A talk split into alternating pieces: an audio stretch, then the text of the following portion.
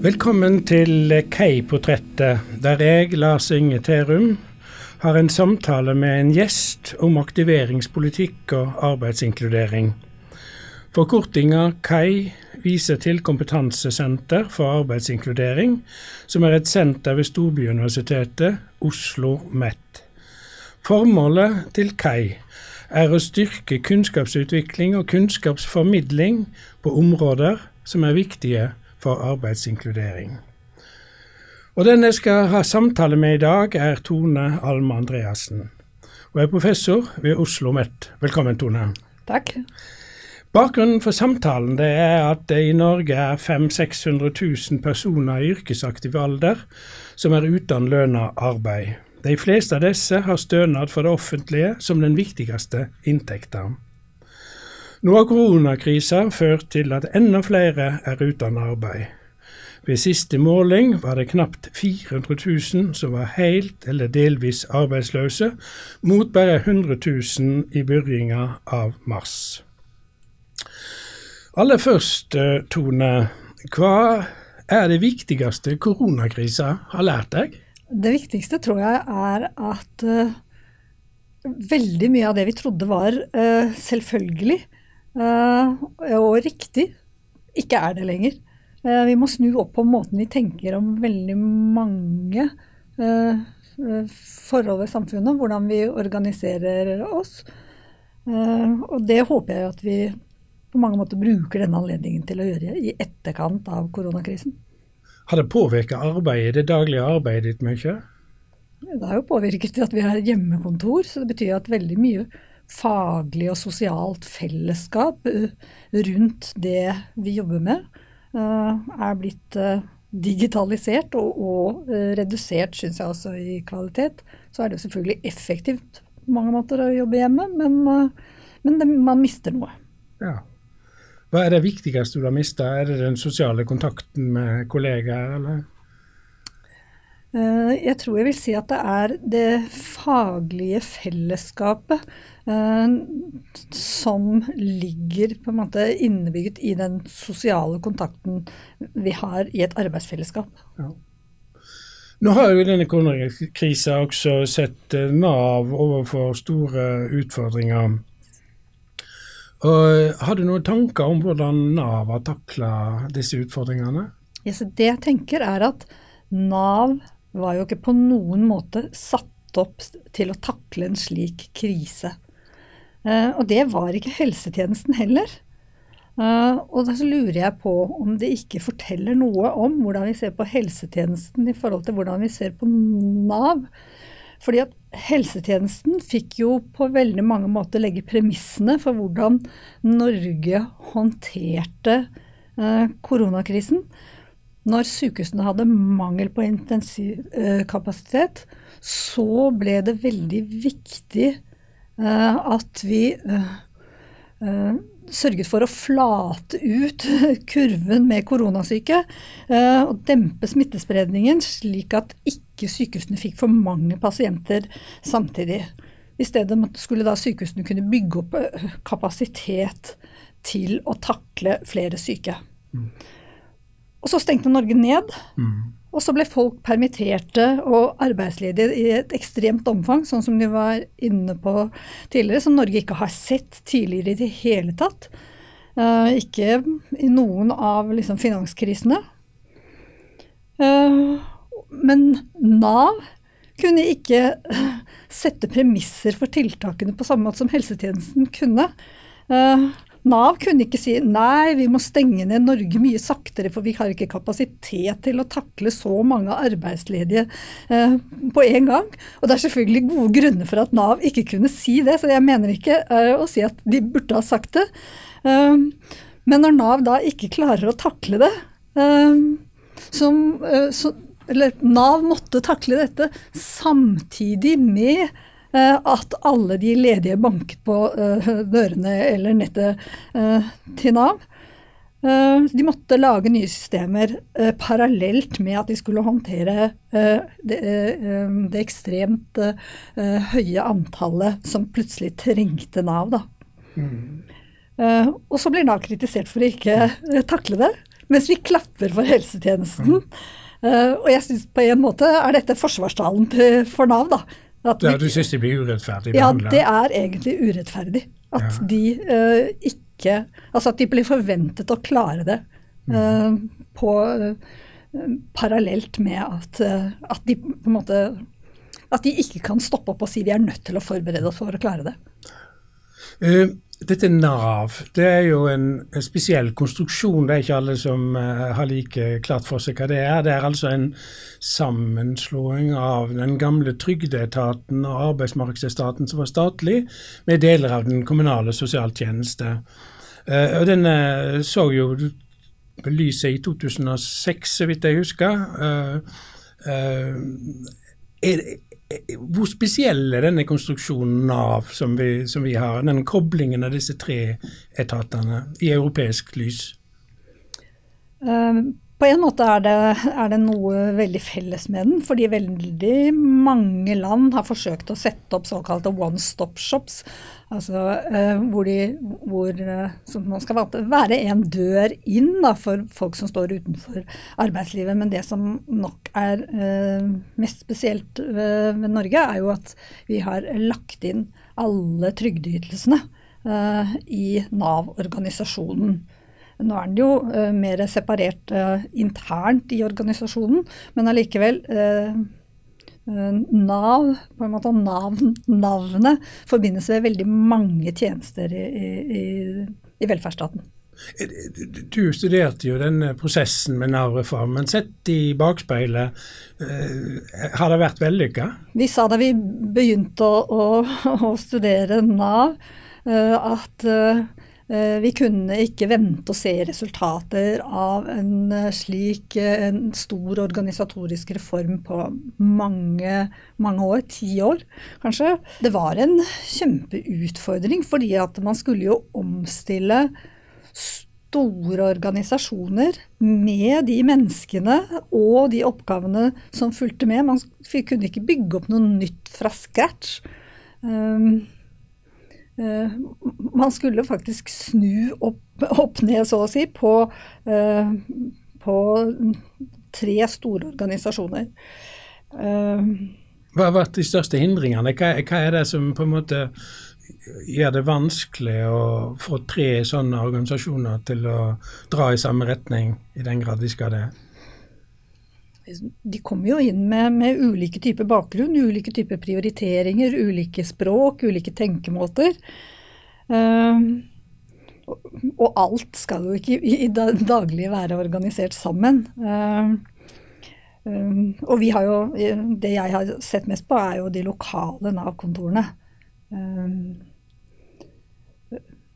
Og, og, de trengte på en måte tid til å jobbe seg sammen.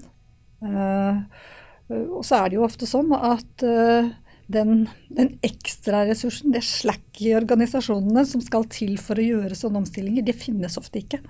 Og det fantes ikke alltid i, uh, i Nav heller. Blant annet så kom jo finanskrisen inn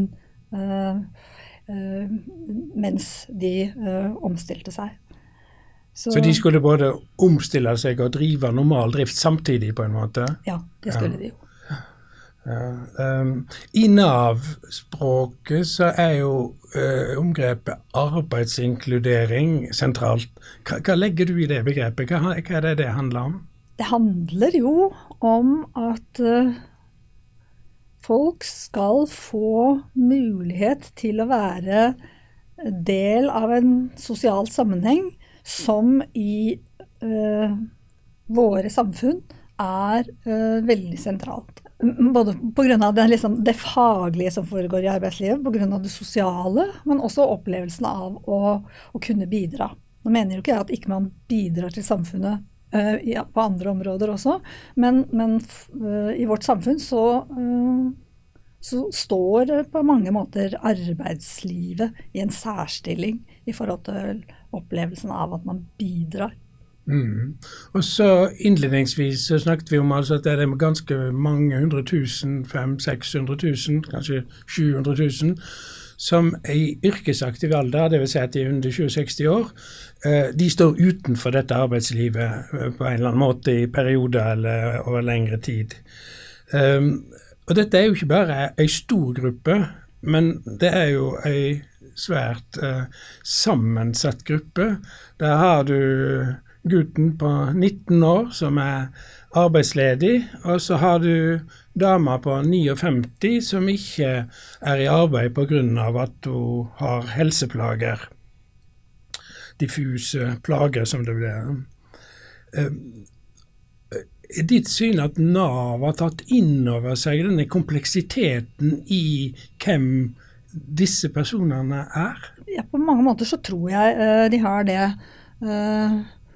Så tror jeg kanskje ikke alltid at regelverket og ordningene uh, tar inn over seg denne kompleksiteten, men jeg tror nok at uh, både oppe i systemet og uh, ute i, i, de lokale Nav-kontorene, så ser de en god del av den kompleksiteten. Mm.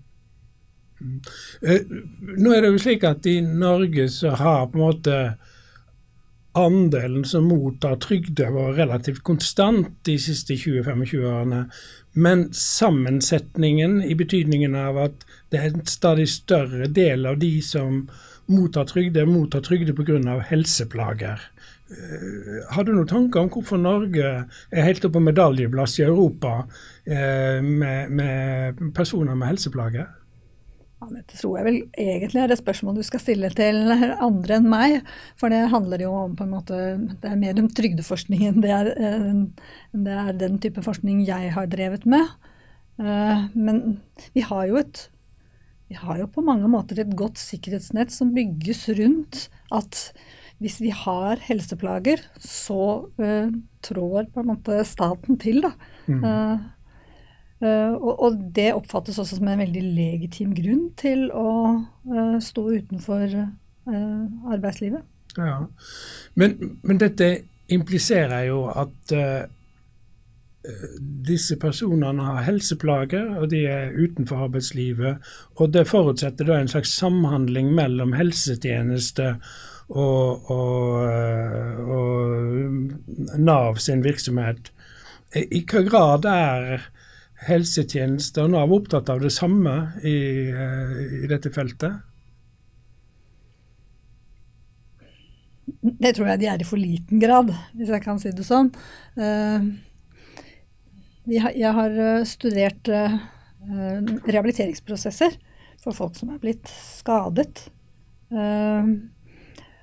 Og da har vi intervjuet både i helsetjenesten og i Nav og uh, jeg kan nok uh, oppleve at deler av helsetjenesten er opptatt av pasientenes liv i bred forstand. og forsøker å ha en helhetlig tilnærming til, til, pasientenes virksomhet og liv og aktiviteter. Men allikevel så er det som om på en måte arbeidslivet, eh, arbeidslivet deres eh, er liksom litt lenger borte fra oppmerksomheten eh, i helsetjenesten. Og det tror jeg, det tror jeg er, er, er, en utfordring. Og på den andre siden så er jo Nav også avhengig av helsetjenesten. Avhengig av behandlingstilbud, avhengig av uh, erklæringer og attester og uh, de begrunnelsene helsetjenesten leverer. Uh, sånn at uh, hvis på en måte ikke helsetjenesten heller ser er bevisst arbeidets betydning da, og Navs rolle i det bildet, og tenker Nav også først og fremst som hva skal jeg si, et negativt lys. da, Noen som kontrollerer og ikke er til hjelp for folk. Eh, så kan det bli dårlige relasjoner. Hva kan, til, hva kan vi gjøre for å få dette bedre til? Jeg tror rett og slett at de må samhandle litt mer. Eh, og det tror jeg at eh, egentlig både Nav og, og helsetjenesten jobber med også. Og etablere bedre relasjoner. Både på overordnet nivå og, og ute i, i, i, praksis. Er, altså, dette med å ha folk som står utenfor arbeidslivet, og få de inn i arbeidslivet, det er ikke bare i forhold til helsetjeneste, det kan være utdanning og, og forskjellige sektorer. Er dette som en samhandling mellom etater, mellom ulike sektorer? Er, det, er vi for lite flinke? Fungerer det for dårlig? I hvert fall vært ganske lite oppmerksomhet på det eh, rundt eh, akkurat dette med arbeidsinkludering, for å bruke det begrepet. da. Det var en oppmerksomhet på det i starten av Nav-reformen. og Det er ikke det at man ikke har oppmerksomhet eh, på det, men hvis vi bare ser på forskningen, og, og, eh, sånn, så har det jo vært veldig mye forskning innenfor helsetjenesten og hvordan man får til samhandling, helhetlige tjenester, gode brukerforløp eh, på det området. Men man har ikke jobbet tilsvarende med det kanskje verken politisk eller på en måte i forskningen, når det gjelder liksom forløp inn, eh, inn, i arbeidslivet eller tilbake til, til arbeidslivet. Hvordan er det med kunnskapssituasjonen på dette feltet? Har vi god nok kunnskap om hva som skal til for å få folk i arbeid? Har vi virkemidler som vi vet virker?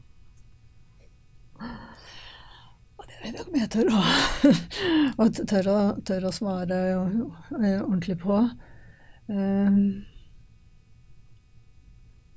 det, var, det, er et veldig stort spørsmål, ikke sant. Um, noen ganger så kan jeg kanskje tenke at vi har for standardiserte virkemidler, for, for, for smalt spekter av virkemidler. Uh, til å på en måte lage de individuelle forløpene til folk som du var inne på veldig tidlig, at de, folk er i veldig ulike situasjoner. Uh, har veldig ulik utgangspunkt i møte med Nav. Og uh, det er ulike utfordringer uh, de sliter med. Så det betyr også at man må ha samarbeidsrelasjoner til ulike deler av, av andre deler av offentlige tjenester. Uh, det er forskjell på, på en måte, om du sliter med en synshemning, eller om det er et rusproblem uh, du har, som, som, gjør at Nav må uh, samhandle med uh, helt ulike typer andre aktører. Da. Ligger det i det du nå sier, en tanke om at at det er vanskelig å ta inn over seg i tjenesteapparatet i, i bred forstand kompleksiteten i de utfordringene som, som folk har. Altså at, at uh, vi har noen løsninger, og de løsningene presser vi på uh, for mange tilfeller.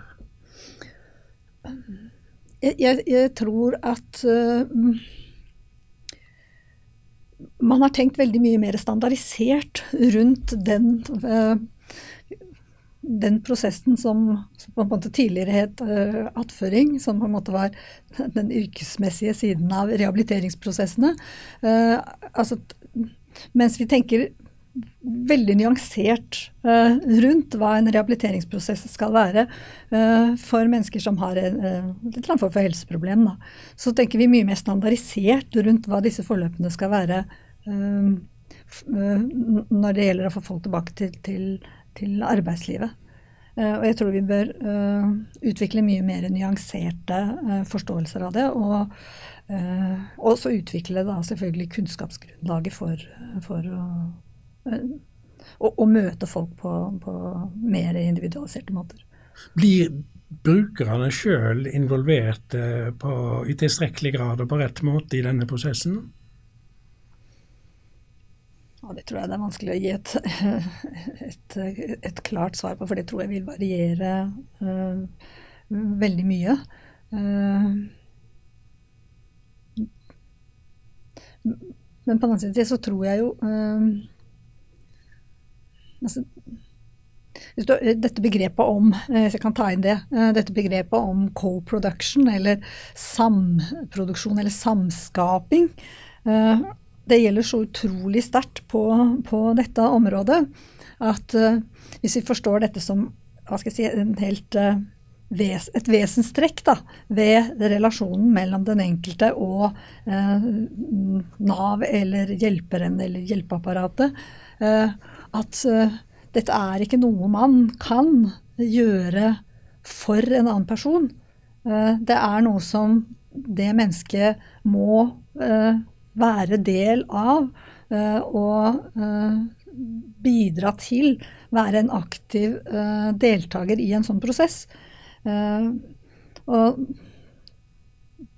det tror jeg man i mye større grad har kanskje tatt inn over seg i helsetjenestens rehabiliteringsforløp enn man har tradisjonelt, i hvert fall, tenkt det i forhold til Eh, i forhold til disse arbeidsforløpene i en Nav-kontekst. Men, hva, eh, hva, er det som er utfordringene med å få dette til? Hva er det som er eh, co-production? Hva, hva, er det som skal til for at uh, dette skal, skal virke der ute i verden?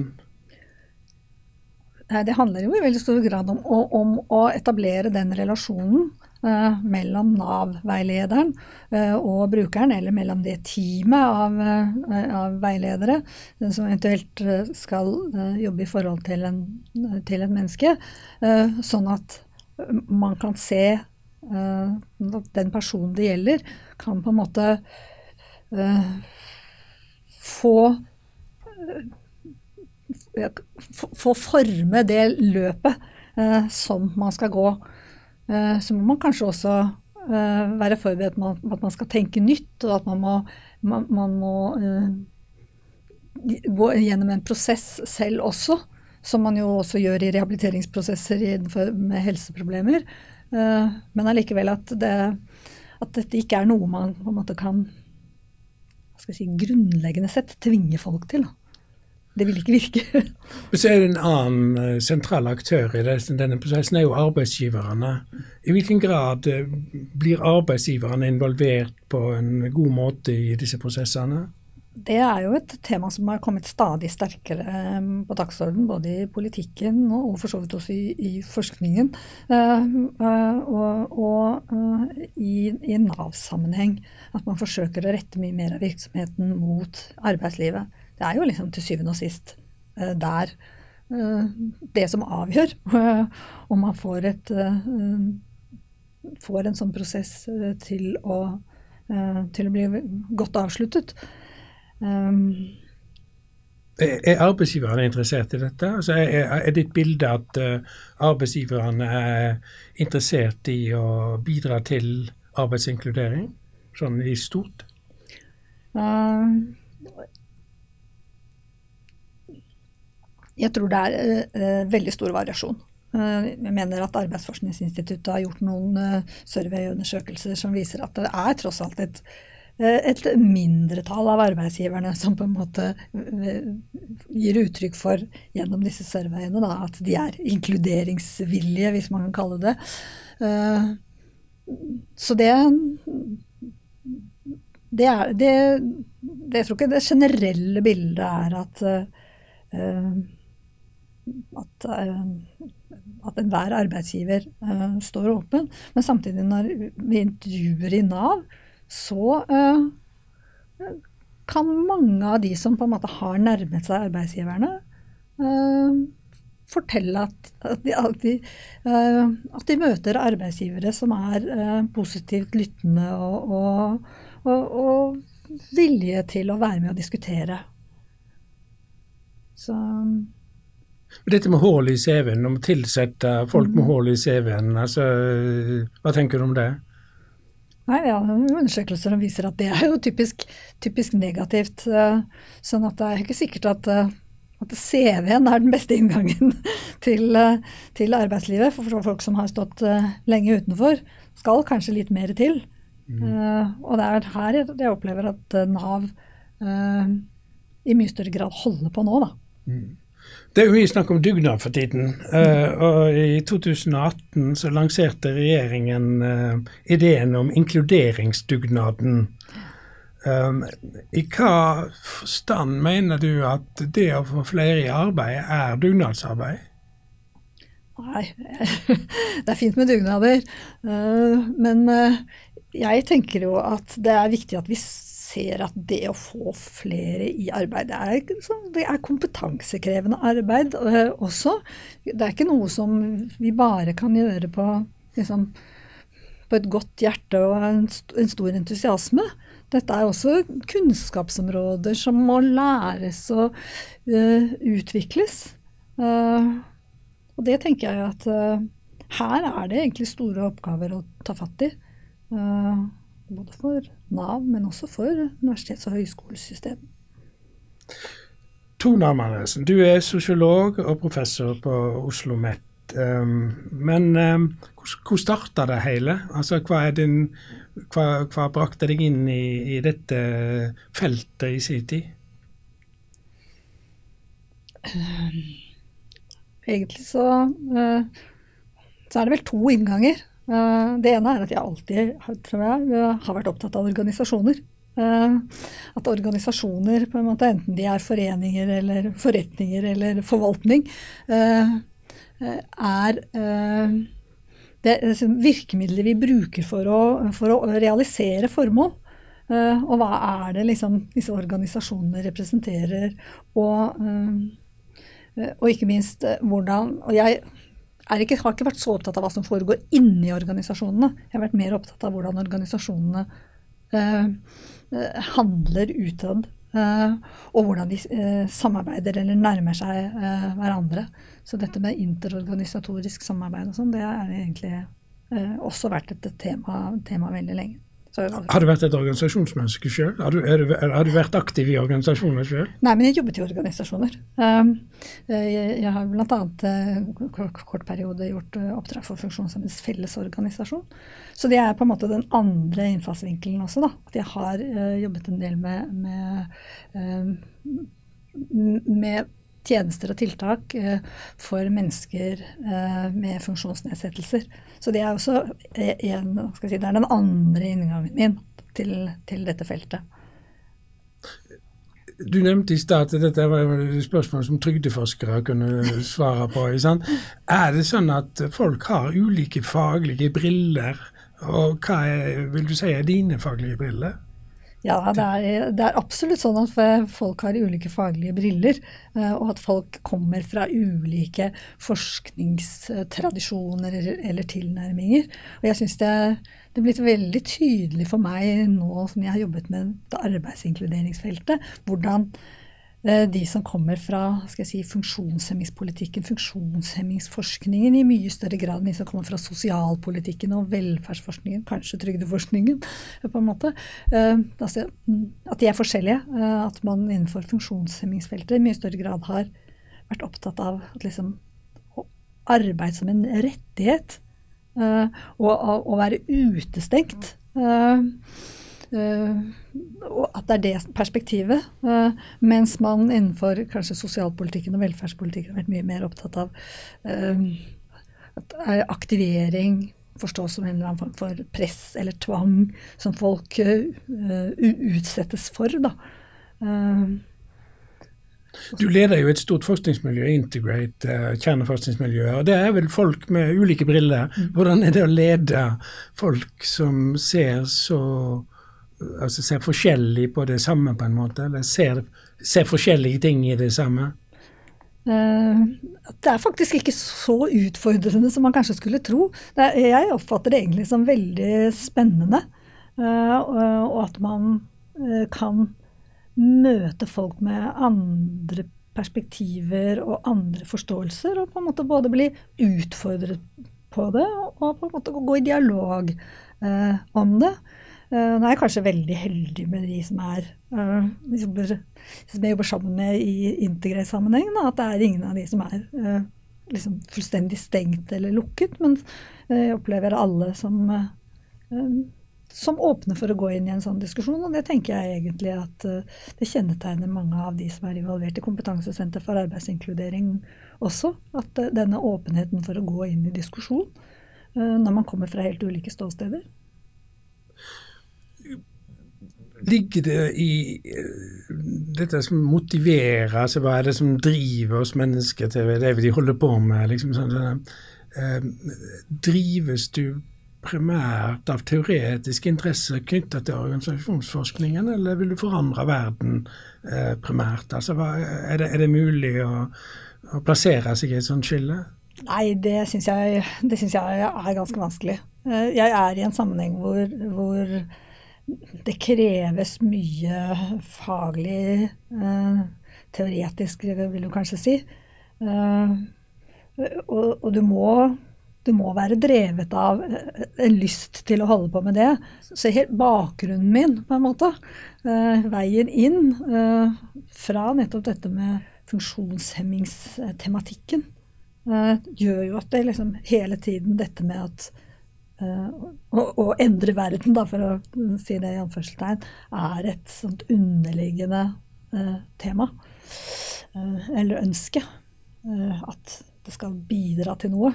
Det er meningsløst med forskning som ikke på et eller annet vis bidrar til noe utover sin, liksom, sin egen lille lukkede krets av forskere. Er forskning for introvert? Altså Er forskning for opptatt av seg sjøl, mener du? Er, for, er man for, samfunnsforskning for lite opptatt av uh, verden og bidra til endring i verden? Nei, det tror jeg ikke man kan si om samfunnsforskningen. Om du er interessert i å gjøre deg mer kjent med publikasjonene til Tone Alme Andreassen, så kan du gå inn på nettsida til Kompetansesenter for arbeidsinkludering ved Oslo OsloMet, som adressa oslomet.no om KAI. Takk for samtalen, Tone Almans. Takk for at jeg ble invitert.